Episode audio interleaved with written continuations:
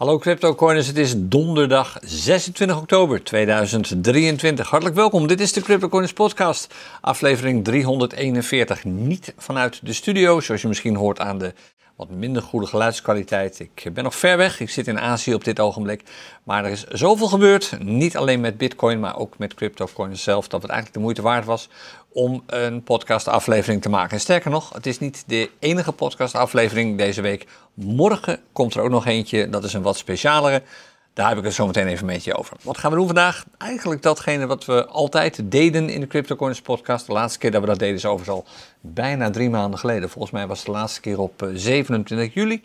Veel gebeurt in die tijd, maar we gaan daar gewoon even rustig naar kijken. We kijken even naar de ontwikkeling van Bitcoin, crypto. We kijken even naar, zoals we altijd eigenlijk hebben gedaan, de Fear and Greed Index, de heatmap, scannerinformatie, enzovoort enzovoort.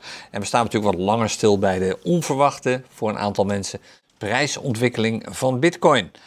Um, laten we beginnen met het interne nieuws. Een paar dingen die interessant zijn om alvast even te weten. Allereerst, we gaan iets heel nieuws doen samen met een nieuwe CryptoCoiners creator. Als je lid bent van ons Patreon-platform, dan ken je misschien al. Hij Tjerk. Hij heeft uh, volgens mij gisteravond uh, Nederlandse tijd nog een uh, speciale mini-clinic gegeven op ons Patreon-platform. Hij heet Tjerk en morgen komt er een speciale aflevering van de CryptoCoiners podcast, waarin ik uitgebreid met Tjerk praat over zijn plannen bij en met CryptoCoiners. En een van de dingen kan ik je nu alvast vertellen. Dat is een speciale livestream. Vanaf volgende week, om precies te zijn vanaf maandag 30 oktober, hebben we maar liefst drie livestreams per week. Je weet het misschien, donderdagavond is Kevaner met het CryptoCoiners Clubhuis om half acht. Vanaf 6 eh, november, vanaf de week van 6 november, ben ik er weer gewoon op woensdag met het Crypto Coiners Café, waarin we live gaan traden. En vanaf volgende week dus op maandag, in eerste instantie voor een periode van drie maanden, maar je weet maar nooit hoe succesvol dat wordt. Vanaf maandag dus gaat Tjerk aan de gang, ook s'avonds om half acht, ook via YouTube, met de Crypto Coiners Lounge. En als je daarbij wilt zijn aanstaande maandag, de link is, je raadt het al, www.cryptocoiners.nl slash lounge. Morgen hoor je dus nog veel meer over wat Tjerk allemaal nog van plan is. Als het gaat om cursussen, clinics en andere dingen binnen CryptoCoiners. Dan op uh, eh, 6 november, je weet het misschien, beginnen Kevan en ik met onze CryptoCoiners Challenge. Waarin we met een behoorlijk bedrag beginnen, 10.000 uh, USDT, om precies te zijn 10.000 dollar dus per persoon dat we naar de miljoen willen brengen. Daar hebben we onszelf een jaar de tijd voor gegund. Meer daarover is te vinden in uh, speciale livestreams die we al hebben gegeven. Die staan nog steeds op YouTube. En er is een speciale pagina waar je hier alles over kunt vinden. www.cryptocoins.nl slash challenge. En voorafgaand aan die challenge, een paar dagen eerder, om precies te zijn volgende week. We weten nog niet precies wanneer. We denken volgende week woensdag of donderdag wordt een nieuwe masterclass geïntroduceerd die Kevan op dit ogenblik druk aan het opnemen is. De masterclass Advanced Swing Trading. Als je daar meer over wilt weten, via die cryptocoins.nl slash challenge pagina vind je sowieso alle informatie. En als je zeker wilt weten omdat je niet missen, schrijf je dan even in voor de speciale nieuwsbrief die bij die challenge hoort. Opnieuw www.cryptocoins.nl slash challenge je weet het, op 6 november, dan beginnen we dus met die challenge. En ook dat is de week waarin de reguliere CryptoCoiners podcast weer terugkomt. Elke dinsdag en donderdag. Dus je krijgt een hoop reguliere CryptoCoiners content om je oren vanaf die week. Om te beginnen maandagavond dus de, de CryptoCoiners Lounge met Tjerk. Dan dinsdag de CryptoCoiners podcast, woensdag het CryptoCoiners café, donderdagochtend de CryptoCoiners podcast en donderdagavond het CryptoCoiners clubhuis. Meer dan genoeg reguliere informatie. En dat is nog helemaal los van alle video's en tussendoor livestreams die we ook nog op de planning hebben staan. Er staat veel te gebeuren dus. Dan wat het externe nieuws betreft. Nou, er is natuurlijk veel gebeurd met Bitcoin de laatste tijd. Niet zo heel veel in de wat langere zomervakantie voor mij. Want de prijs heeft zich eigenlijk een, een tijd lang, week na week na week, nauwelijks bewogen. Het feest begon eigenlijk pas echt vorige week, de week van 16 oktober. Daar komen we zo meteen op terug als we de charts erbij pakken.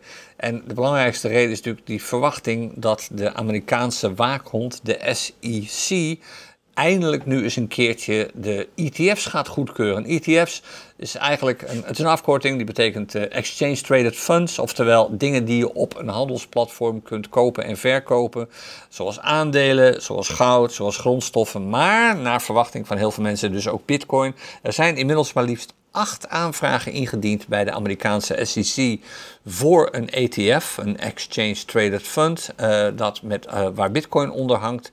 Nog geen van die aanvragen is goedgekeurd. Dat is meteen ook een beetje het gevaar.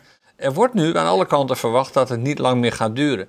Eerlijk is eerlijk, ik weet niet waarom men dat verwacht. Ik heb nergens, maar ook werkelijk nergens, concrete signalen gezien dat die ETF's er nu snel aan zitten te komen. Het duurt al heel lang. Sommige bedrijven timmeren nu echt hard aan de weg om te zorgen dat de ETF eh, vaart maakt, maar, of sorry, de SEC vaart maakt. Maar ja, de SEC beslist dat gewoon helemaal zelf.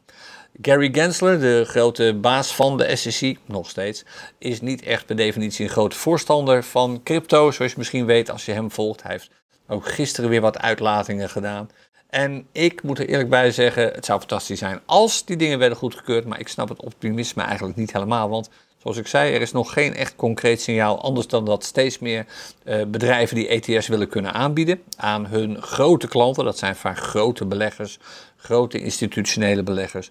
Ja, zolang die ETF's er niet zijn, zal er niet veel verwachting, dan er niet veel gebeuren. Dan is het eigenlijk alleen maar een verwachting. En ik zie het eigenlijk als volgt. Als de SEC die dingen op korte termijn gaat goedkeuren, die ETF's, dan kan dat een enorme impact hebben. Eerlijk is eerlijk. De reden is de volgende. Er is blijkbaar heel veel vraag naar Bitcoin bij grote institutionele beleggers. En je zou kunnen zeggen, ja, waarom kopen die mensen die Bitcoin dan niet gewoon? Die zetten ze gewoon in een wallet en klaar is het. Zo werkt dat niet in dat wereldje. Bij institutionele beleggers gaat dat heel anders. Die maken gebruik van door hun vertrouwde partijen die hun waardepapieren beheren, waar dus dan ook bitcoin onder gaat vallen.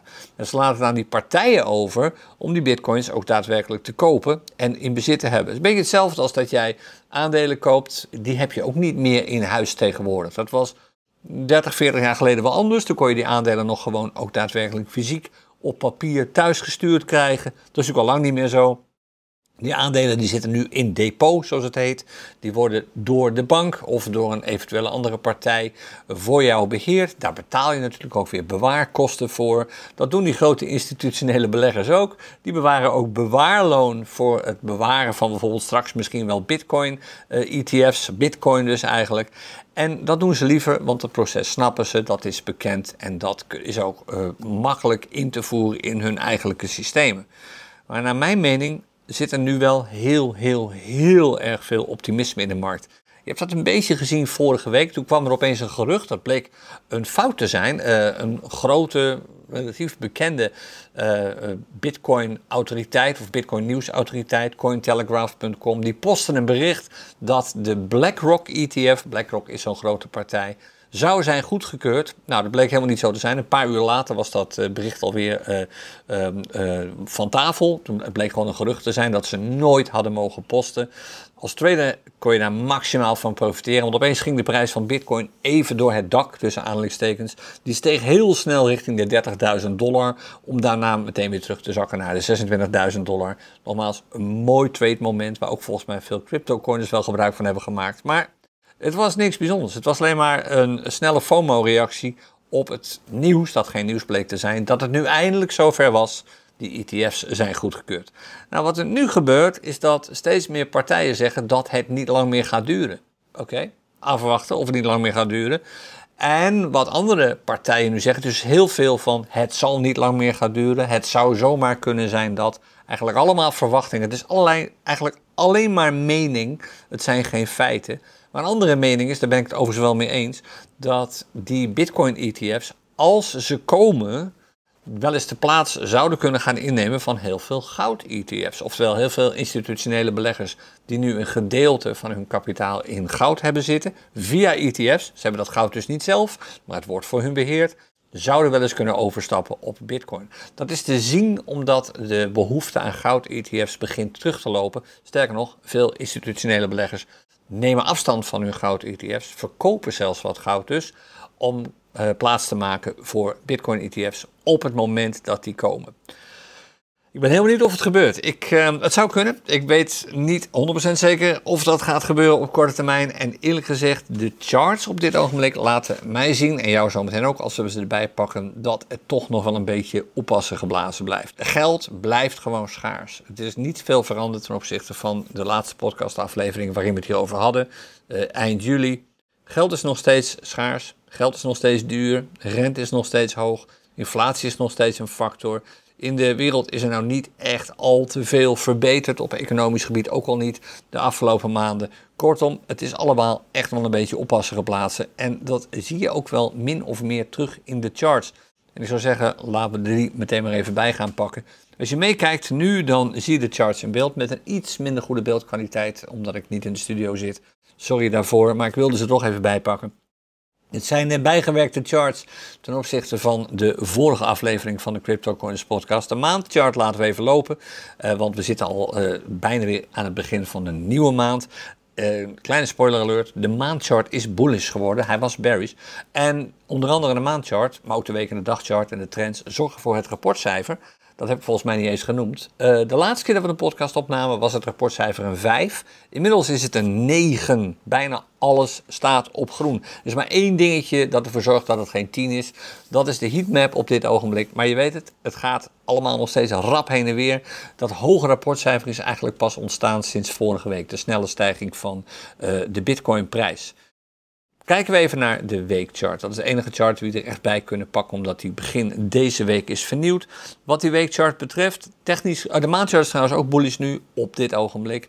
De weekchart is al heel lang bullish, is ook zelfs sinds drie maanden geleden nog steeds bullish, maar nu wel heel overtuigend. Eigenlijk zo'n beetje alle signalen staan op groen. Als je deze chart zo bekijkt, als je nu meekijkt op YouTube, dan zie je dat alles op groen staat.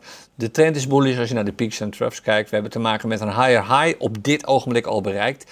Zelfs als de week nog niet voorbij is, de prijs of de high zal nooit meer komen onder de 35.198. Want dat is hij al deze hele week. Dus het kan alleen nog maar meer worden dan 35.198 dollar. We hebben ook een nieuwe trough te pakken. Die zit best wel heel hoog. Hij staat hier trouwens niet helemaal goed volgens mij. Want hij staat hier op uh, ongeveer 34.000. Dat moet 26.000 zijn. Hij zit hier op dit punt. De week van 9 oktober. Dus ik zal die prijs even aanpassen. Het was uh, 26.533 dollar. Als je meekijkt, dan zie je die lijn nu verschuiven. Dit was de vorige trough. Die hoger was dan de uh, trough daarvoor. Oftewel, alles mooi bullish. Keltner Channels, nou ja, die waren vorige week al bullish. Kijk maar, de prijs is vorige week boven de bovenste band van de Keltner Channels gesloten. Dat zorgt voor een, of dat laat zien dat er sprake is van een uh, stijgend bullish momentum. Er wordt behoorlijk hard op het gaspedaal gedrukt. En ook vorige week schoot de Parabolic Stop Reverse, die al sinds begin augustus, eigenlijk vlak nadat we de Bitcoin uh, of de CryptoCoins podcast even op stop hebben gezet, omkeerde naar bearish, is nu ook omgekeerd naar bullish sinds vorige week al. Bovendien zie je dat de, dat is dus de parabolic stop reverse, dat, is de, dat zijn de Kelvin channels. Bovendien zie je dat de, uh, de onderin hier zie je staan de unbalance volume indicator, deze twee lijntjes, een heel sterke bullish signaal afgeven. Ook eigenlijk alweer de week voordat de echte knaller kwam van Bitcoin, schoot dit uh, doorheen. Geel, schoot rood. Bullish signaal ziet er ook allemaal goed uit. Een paar dingen waar je op wilt letten. En die hebben met name te maken met de MA50 en de MA200. Kijk, de MA50, het voortschrijdend gemiddelde van de laatste 50 candleprijzen, de 50 sluitprijzen over de laatste 50 weken dus, het laatste jaar, staat nog steeds onder de MA200, het voortschrijdend gemiddelde van de laatste 200 weken. En dat is niet per definitie bullish. Dus eigenlijk staan deze lijnen nog verkeerd om. De prijs staat nu weliswaar boven de MA200. Dat is de afgelopen, vorige week eigenlijk gebeurd. Dus de eerste keer sinds een lange tijd, namelijk 19 juni was de vorige keer dat gebeurde. En de keer daarvoor was het, eh, even kijken, waar, waar, waar gebeurde dat? De keer daarvoor, hier zo, 13 maart. Dus dat is goed nieuws. Maar niet schrikken, de laatste keer dat de MA50 door de MA200 heen brak, brak, is nooit geweest. Want de MA200 is natuurlijk, omdat het immers over een periode van 200 weken gaat, die bestaat nog niet zo heel lang tussen aanhalingstekens die lijn. De laatste keer dat hij op Bitstamp zichtbaar is, uh, of de eerste keer, was, op, uh, was in november 2013. Ongeveer het moment dat ik serieus met Bitcoin aan de slag ging trouwens. En we hebben nog niet echt een moment gezien dat er een cross ontstond, een bullish cross, de, van de MA50 en de MA200. Wel een bearish cross, het laatste bearish cross, of ook het enige bearish cross dat we hebben gezien. Dat was begin dit jaar, eh, eind vorig jaar, nee begin dit jaar was dat, januari, februari 2023. Nu is het wachten voor mij dus, want dan zou het echt wel eens een keertje sensationeel kunnen gaan worden. Op die cross van de MA50 en de MA200 op de weekchart. Dat duurt nog even, dat is niet in een week gebeurd. Dan zou de prijs volgende week opeens op 100.000 moeten staan, dan twee weken later, dan schiet die lijn er doorheen. Het heeft alles te maken met voortschrijdende gemiddeldes, dus daar gaat nog wel even doorheen. Maar dat is voor mij het, zeg maar, magische moment. Dus dat is een prijs, of een, eigenlijk een beweging, het is niet zozeer een prijs, die ik heel goed in de gaten houd komt het eindelijk zover dat de, op de weekchart, ik heb het dus niet over de dagchart, ik heb het over de weekchart, die behoorlijk significant is, natuurlijk veel significanter dan mijn dagchart, komt het daadwerkelijk zover dat de MA50 door de MA200 heen breekt, omdat de prijs heel lang significant boven die MA50 staat. Dat zou de eerste bullish cross zijn op de weekchart. En dan kan het, naar mijn mening, heel, heel hard gaan. Dan kun je gewoon rekenen op prijsstijgingen richting de 100.000, 150.000, 200.000 en nog veel hoger wat de prijs van Bitcoin betreft. Maar dan moet dat wel eerst zijn gebeurd. Het zal naar mijn mening niet zo zijn. Nogmaals, niemand kan de toekomst voorspellen. Ik ook niet. Maar het zou naar mijn mening eigenlijk niet zo kunnen zijn dat de prijs van Bitcoin uh, zes cijfers gaat bereiken voor de komma. Voordat die cross van de MA50 en de MA200 is geweest. En zolang dat dus niet is gebeurd, zolang op de weekchart er toch nog een heel krachtig bearish signaal is te zien, namelijk die MA50-lijn onder die rode MA200-lijn, zijn voor mij ook gewoon prijzen aan de onderkant nog steeds realistisch. Namelijk de prijs die weer even onder de MA200 duikt. De MA200 staat nu op, eh, wat is het, 28.400 dollar ongeveer. Nog steeds een realistisch scenario. Het is support, maar niet zo'n hele sterke support. De prijs kan daar gewoon onder. En op dezelfde manier kan de prijs ook nog onder de MA50 duiken. Die is nog wat lager, die zit rond de 25.500 dollar. Is nog steeds support, maar niet zo hele sterke support. Ik ga dus eigenlijk een beetje, en ik weet, hier maak ik mezelf niet populair mee, maar ja, ik zeg liever gewoon hoe ik de zaken zie dan dat ik meega in al het optimisme dat je op dit ogenblik hoort. Ik zie nog steeds prijsdalingen gebeuren die uh, rond de 25.000 komen te liggen, misschien zelfs nog wel lager. Als je kijkt naar hele uh, typerende chartpatronen, dan zou het zelfs zomaar kunnen dat we uitkomen op rond, niet schrikken, rond de 20.000 dollar of nog lager. Het zal niet al te lang duren, want er is heel erg veel bullish sentiment nu als het om crypto gaat. Het heeft natuurlijk alles te maken met de ETF's. Maar het is nog wel erg wispelturig nu. Veel zou kunnen gaan veranderen op het moment dat de SEC die dingen goedkeurt, de ETF's. Zolang dat niet gebeurt, zou het misschien niet zo wijs zijn om alleen maar uit te gaan van stijgende prijzen. En is het nog een beetje te vroeg om echt serieus van uh, FOMO uh, te kunnen gaan spreken. Dus ik reken nog steeds op ook wat lagere prijzen. Waar ik dus op let is die MA50 en die MA200. Zolang die kruising er nog niet is geweest, verwacht ik nog steeds flinke dalingen. Eh, bijvoorbeeld 28.000 sowieso. Voor mij nog steeds een realistisch iets. Hoe zit het dan met de dagchart? Nou, dan zie je eigenlijk hetzelfde patroon. Er zijn trouwens een aantal interessante patronen op die dagchart te zien. Kijk, hier aan het begin, als je meekijkt, op 23 eh, oktober hebben we natuurlijk een enorme push gezien. Bitcoin-prijs steeg zo even met 12, 13 procent. Een hele lange candle met een afwijzing aan de bovenkant, die niet al te lang heeft geduurd. Want dan achterna alweer een groene candle, en alweer een groene candle. Je ziet dat, de, uh, los van het feit dat dit natuurlijk fantastisch is wat je hier ziet gebeuren, grote prijsstijgingen en eindelijk weer door die 30.000 dollar heen. Je ziet dat de bodies kleiner beginnen te worden. En dat is een teken, los van alle indicators die je daarvoor kunt gebruiken, dat het momentum begint af te nemen. Kleinere candle bodies in een bullish run of in een rally die je hier ziet plaatsvinden, duiden op een afnemend momentum. En hoewel de dag nog niet voorbij is, sterker nog, eh, op het moment dat ik deze podcast opneem, is het hier, ik ben nu in Thailand op het ogenblik, is het kwart over één smiddags. Dat betekent in Nederland nu kwart over acht ochtends is. Dus de dag is pas net begonnen, om het zo maar te zeggen. Op dit ogenblik is er min of meer sprake van een platte candle. Er is niet zo heel erg veel gebeurd nog.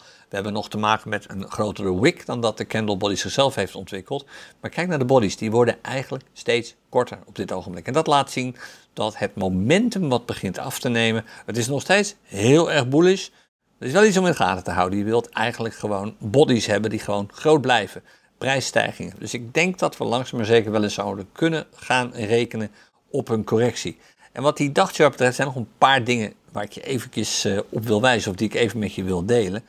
Laten we even beginnen met die twee lijnen, die MA50 en die MA200. Dus ik zal eerst even de Keltner Channels uitzetten. Verder trouwens, ziet alles er best wel goed uit, hè? eerlijk is eerlijk. We hebben bullish Keltner Channels, prijs sluit boven de bovenste band, stijgend bullish momentum. Al een behoorlijke tijd hoor, dat begon eigenlijk al anderhalve week geleden op maandag 16 oktober. Is dat ook niet meer echt veranderd. We hebben natuurlijk ook al iets wat eerder, want deze heeft gewoon een eh, wat voorspellende werking. Hier op eh, zondag 15 brak eigenlijk de OBV al door. Stijgend, ehm, of een, een bullish eh, reversal signaal van OBV, de Unbalanced Volume Indicator. Parabolic Stop Reverse, die brak ook op 16 oktober van bearish naar bullish. Kortom, ziet er allemaal prima uit. Maar laten we die Keltner Channels even onzichtbaar maken. Ik zal trouwens even deze chart bewaren. Zo, dan gaat hij even onzichtbaar maken.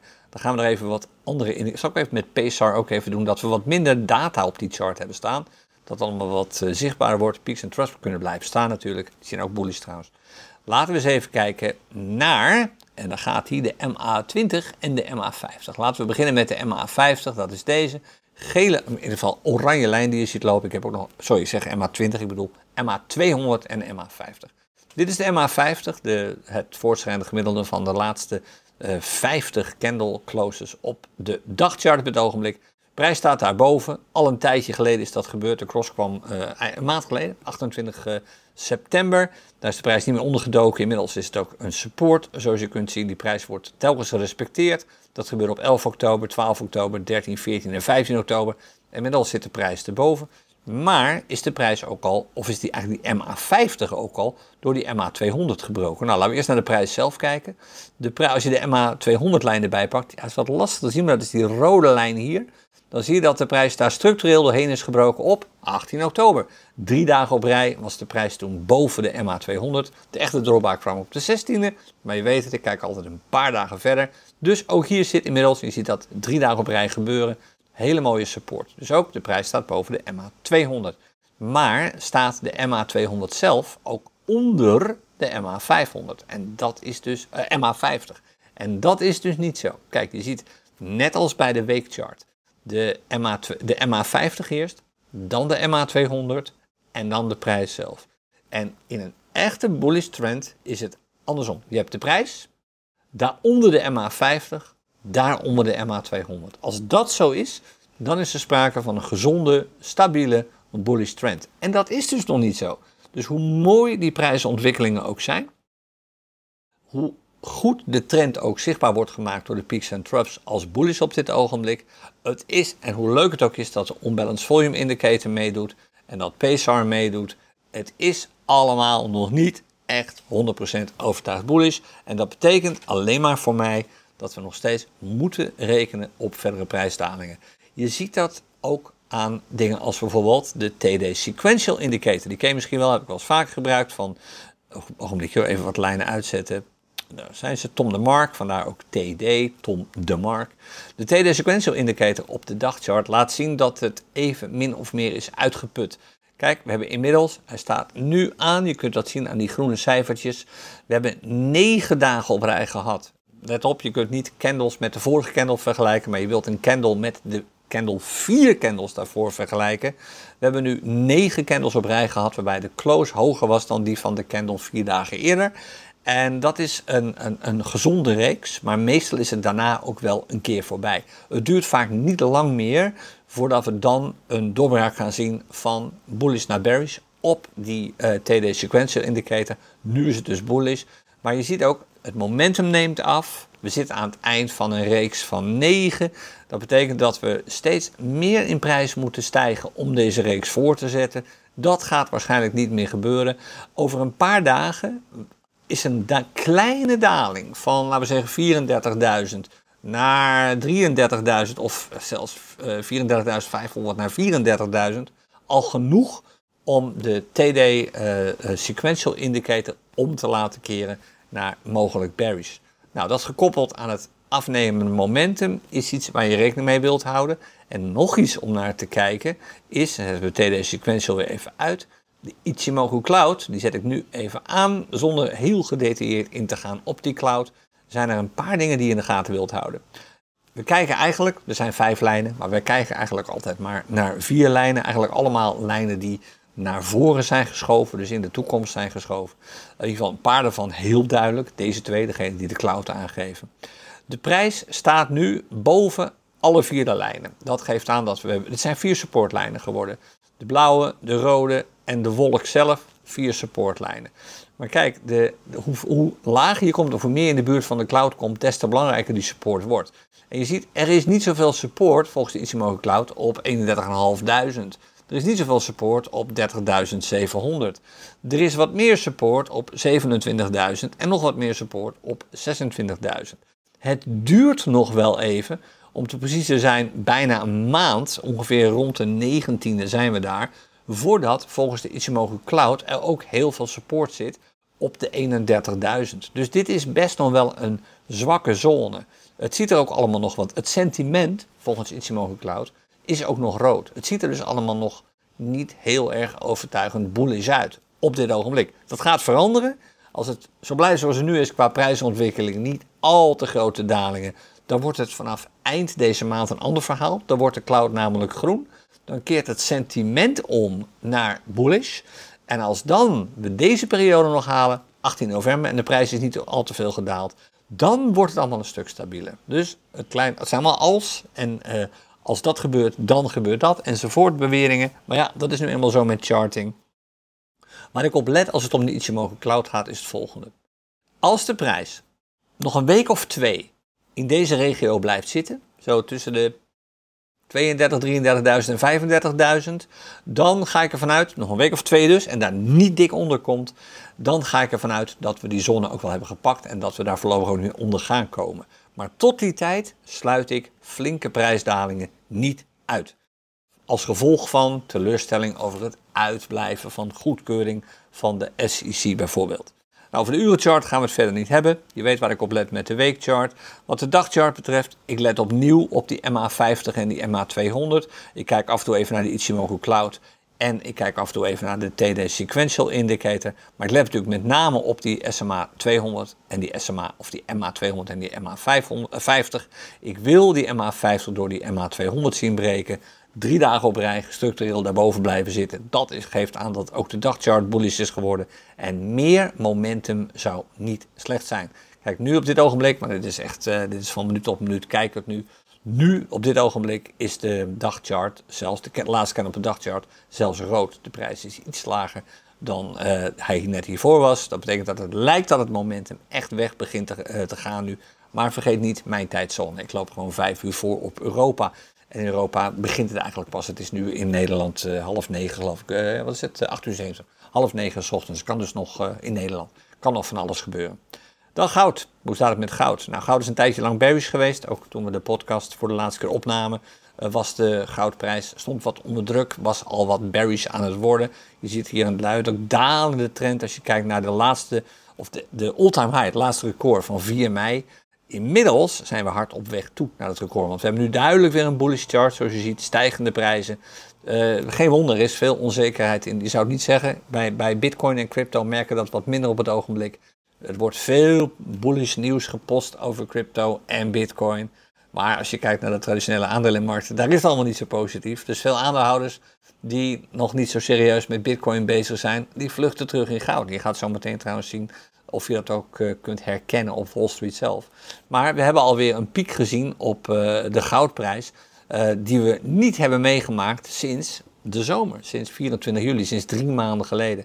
En, en we zitten in een bullish trend, dus de verwachting dat we nu door de all-time high, het record van 2081 dollar gaan heenbreken, is er overal. Ook bij mij. Ik sluit niet uit dat we daar over misschien wel maximaal een maand zijn. Ik ben benieuwd of ik gelijk krijg. Dat zou betekenen dat we eind november een goudprijs gaan zien die hoger is dan we ooit eerder hebben meegemaakt. En hoe komt het dan? Nou, kijk even naar Wall Street. Toen we de laatste keer de podcast opnamen, ik heb dat net even opgezocht, toen hadden we 80. Toen stond de Fear and Greed Index op extreme hebzucht. En ik weet dat ik toen nog heb gezegd van, mensen, ik snap dit niet. Dit klopt van geen kanten. Dit kan niet goed zijn. Leuk dat mensen zo enthousiast zijn op Wall Street, maar ik neem dit totaal niet serieus. Want er gaat gewoon helemaal niks goed in de Amerikaanse economie, in de economie wereldwijd. En ik snap dat optimisme niet. Nou, inmiddels is er al lang geen sprake meer van optimisme. Aandeelhouders zijn extreem pessimistisch. 30 begint al in de buurt te komen van extreme fear. Een maand geleden hebben we dat niveau zelfs al bereikt. Uh, eind, half september was het extreem uh, fear, extreem angstig. Het wordt niet veel beter. En zelfs een jaar geleden was het, als je kijkt naar de statistieken, zie je dat ook, was het alleen maar neutraal en niet eens hebberig. Kortom, als je iets uitzoomt, dan zie je dat het gewoon een drama is als het gaat om het uh, sentiment op Wall Street. En dat op zich is goed voor goud en is ook heel erg goed voor Bitcoin en crypto natuurlijk. Ik verwacht ook niet dat dit op korte termijn veel verandert. De belangrijkste reden overigens voor nu is, los van het feit dat het gewoon uh, natuurlijk met de inflatie en de macro-economische cijfers allemaal helemaal niet zo goed zit, is wat tegenvallende resultaat van veel techbedrijven. De grote buzz op dit ogenblik is natuurlijk AI. ChatGPT, Microsoft die daar probeert achteraan te hollen, Google die dat probeert te doen. Dat is natuurlijk de, next buzzword. Maar ja, er moet ook wel uiteindelijk omzet en winst zijn om dat allemaal uh, te rechtvaardigen. En dat valt op dit ogenblik uh, allemaal een beetje tegen. Hoe is dan met de heatmap, die ook verantwoordelijk is voor een groot gedeelte van het CryptoCoiners uh, rapportcijfer? De heatmap is trouwens een beetje veranderd sinds de vorige aflevering van de CryptoCoiners podcast. Om te beginnen hebben wij altijd all aanstaan als het eh, gaat om het bekijken van alle muntparen. En uh, er is nu ook, de standaardinstelling is nu top 100. Die ziet er op dit ogenblik een stuk roder uit dan nu. Oh, ik drukte even op de verkeerde knop. Wij houden het gewoon voorlopig eventjes bij all. En dan zie je dat op dit ogenblik het meeste nog groen is. Het is alweer wat meer roze geworden. Geen wonder, het momentum is op een aantal munten even wat terug aan het lopen op het ogenblik. Helemaal niet erg, na de enorme prijsstijging die we de afgelopen dagen hebben gezien. Het is uh, eigenlijk toch nog steeds dominant allemaal groen. Groene heatmap levert gewoon twee punten op voor het uh, rapportcijfer. En hoe is het dan met de CryptoCoins scanner? Nou, die laat de ene melding na de andere zien. Het is echt gigantisch op het ogenblik. Dus goed te traden. Er zijn een paar dingen die je in de gaten wilt houden. Laten we eerst even de gewone standaard barometer erbij pakken. Als je met de CryptoCoins daytrading strategie aan de slag bent. Die is uh, wat omgekeerd op de urenchart. Hij gaat zo snel. Ik zal even de meldingen stopzetten, want dat zijn er zo ontzettend veel. Dat heeft geen zin om hier nu nog naar te kijken. Hier hebben we de barometer. Kijk, sinds gisteren is de gemiddelde prijs van alle bitcoin muntparen gestegen. Licht gestegen met 0,2%. Sinds vier uur geleden was dat zelfs nog een procent. Maar nu is het wat gedaald het afgelopen uur. Dit was nog wat positiever toen ik begon uh, aan de voorbereidingen van deze podcastaflevering. Maar het is een klein beetje oppas geblazen. Gisteren was het goed traden overigens met bitcoin als basismunt. Maar nog veel beter traden met de dollar als basismunt. En dat heeft alles te maken met de trend. Als je kijkt naar de trend van de marktparen waarbij de dollar uh, de basismunt is, de, het wordt ook wel de quote asset genoemd, de USDT in dit geval, dan zie je, die is maar liefst 51,7% bullish. En voor je beeldvorming, de laatste keer dat een, een echte podcast opname, toen was het 27,1% bearish. Oftewel, het is enorm omgeslagen. Als het in de buurt van de 60% wordt, dan moet je je zorgen maken, dan gaat het eigenlijk gewoon te hard. Maar op dit ogenblik laat dit gewoon zien dat het prima traden is als je long trades doet.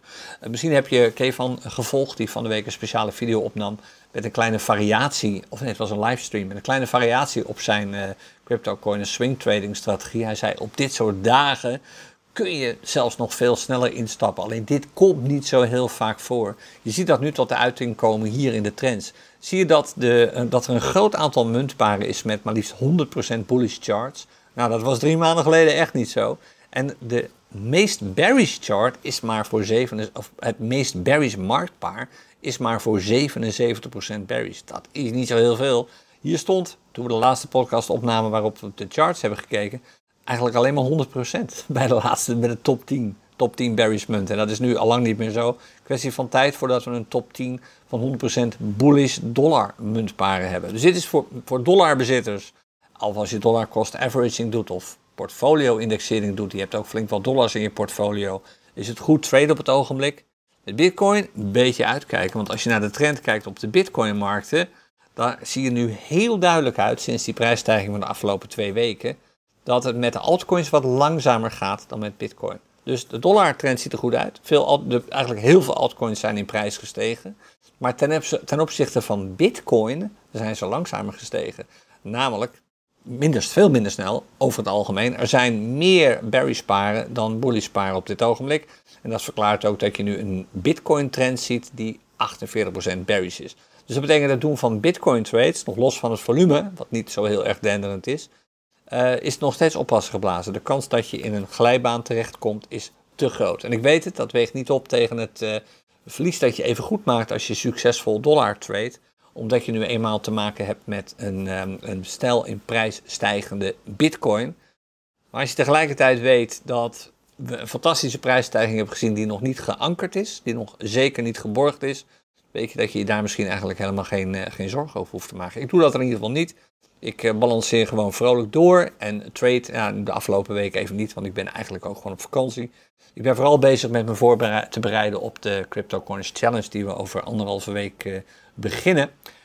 Maar als ik nu zou gaan traden, ik zou dat niet doen met de Bitcoin als basismunt. Het is gewoon niet slim om dat te doen, omdat je te vaak zult worden verrast door charts die opeens omkeren van, of, die omkeren van misschien nog bullish op jouw interval naar bearish. Beetje uitkijken dus.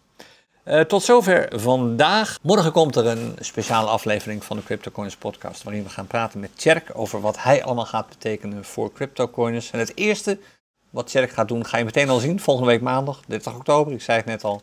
Uh, vanaf half acht s avonds is Tjerk met de nieuwe CryptoCoins Lounge. Dus dan spreek je ons maar liefst live uh, drie keer per week sowieso. Misschien wel vaker als we ook spontane live sessies gaan doen. Bijvoorbeeld omdat we bezig zijn met de challenge. Oké, okay, tot zover de podcast aflevering van vandaag. Met reguliere podcast ben ik er uiterlijk weer in de week van 6 november. Uh, dan loopt het waarschijnlijk ook wat soepeler dan nu, want ik moest er weer even inkomen na een pauze van uh, ongeveer drie maanden. Ik hoop even goed dat je er wat aan hebt gehad. Happy trading, ik spreek je snel weer. Tot dan. Dag.